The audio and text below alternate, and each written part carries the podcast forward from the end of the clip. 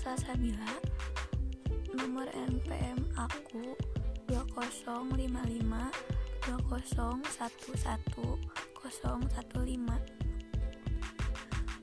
Saya akan menjelaskan tentang analisis tugas. Analisis tugas atau task analisis suatu metode untuk menganalisis pekerjaan manusia apa yang dikerjakan, dengan apa mereka bekerja, dan apa yang harus mereka ketahui. Contoh apa saja tugas yang harus dilakukan dalam membersihkan rumah. Di sini ada lima contoh. Dalam rangka membersihkan rumah, satu, ambil penghisap debu. Dua, tancapkan penghisap debu pada alat penghubung listrik. Tiga, Bersihkan ruangan. 4. Jika kotak tersebut telah penuh, kosongkan. Dan 5. Pasangkan kembali penghisap debu dan segala peralatan pembantunya. Dalam kegiatan yang tadi, yang sebagai pengguna atau menjalankan kegiatan harus mengetahui mengenai, mengenai A. Penghisap debu B. Alat-alat pembantu C.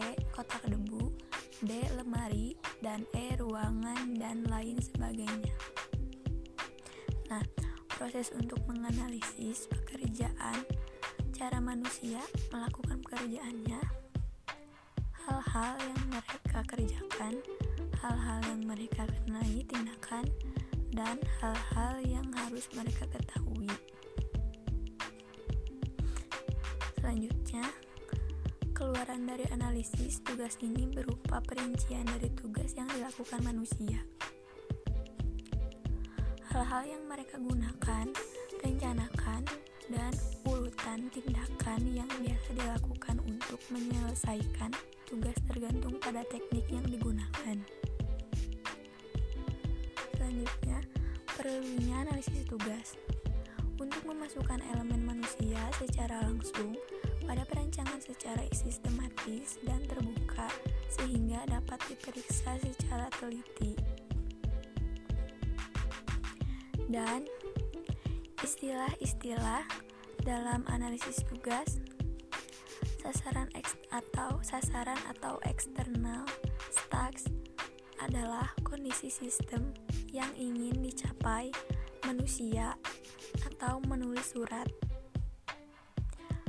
Tugas internal adalah himpunan terstruktur dari aktivitas yang dibutuhkan, digunakan, atau dipercaya sebagai hal terpenting untuk mencapai sasaran dengan menggunakan perangkat tertentu atau menekan tombol keyboard.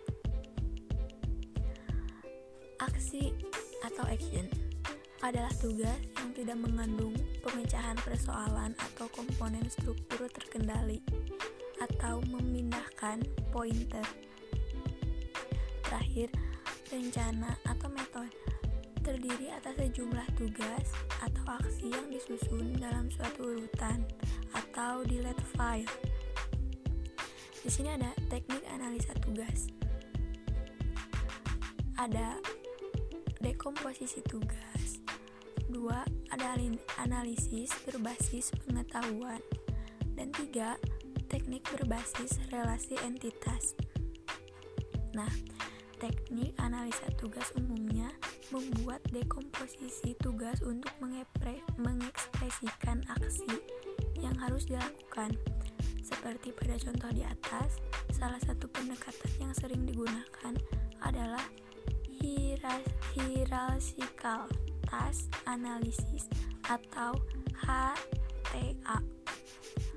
Output HTA adalah hierarki, tugas, dan subtask dan juga plan atau rencana yang menggambarkan urutan dan kondisi syarat suatu subtugas dilaksanakan.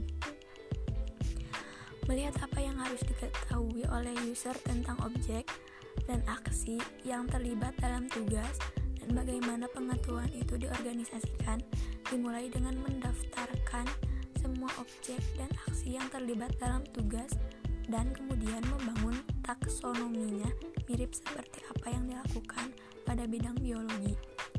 Hewan termasuk dalam intervertebrata dan vertebrata.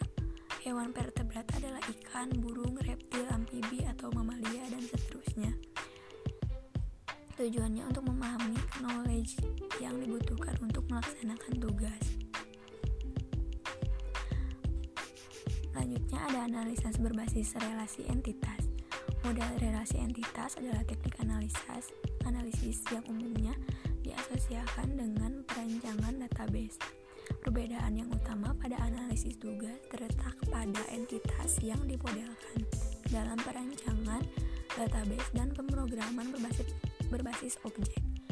Entitas yang dipilih untuk analisis adalah akan direpresentasikan pada sistem komputer saja namun termasuk objek fisik, aksi yang dilakukan dan manusia yang melaksanakannya. Jadi ada sumber informasi dan pengumpulan data dalam analisis tugas. Analisis tugas merupakan salah satu hal yang sangat penting dalam mencapai interaksi manusia dan komputer yang lebih optimal.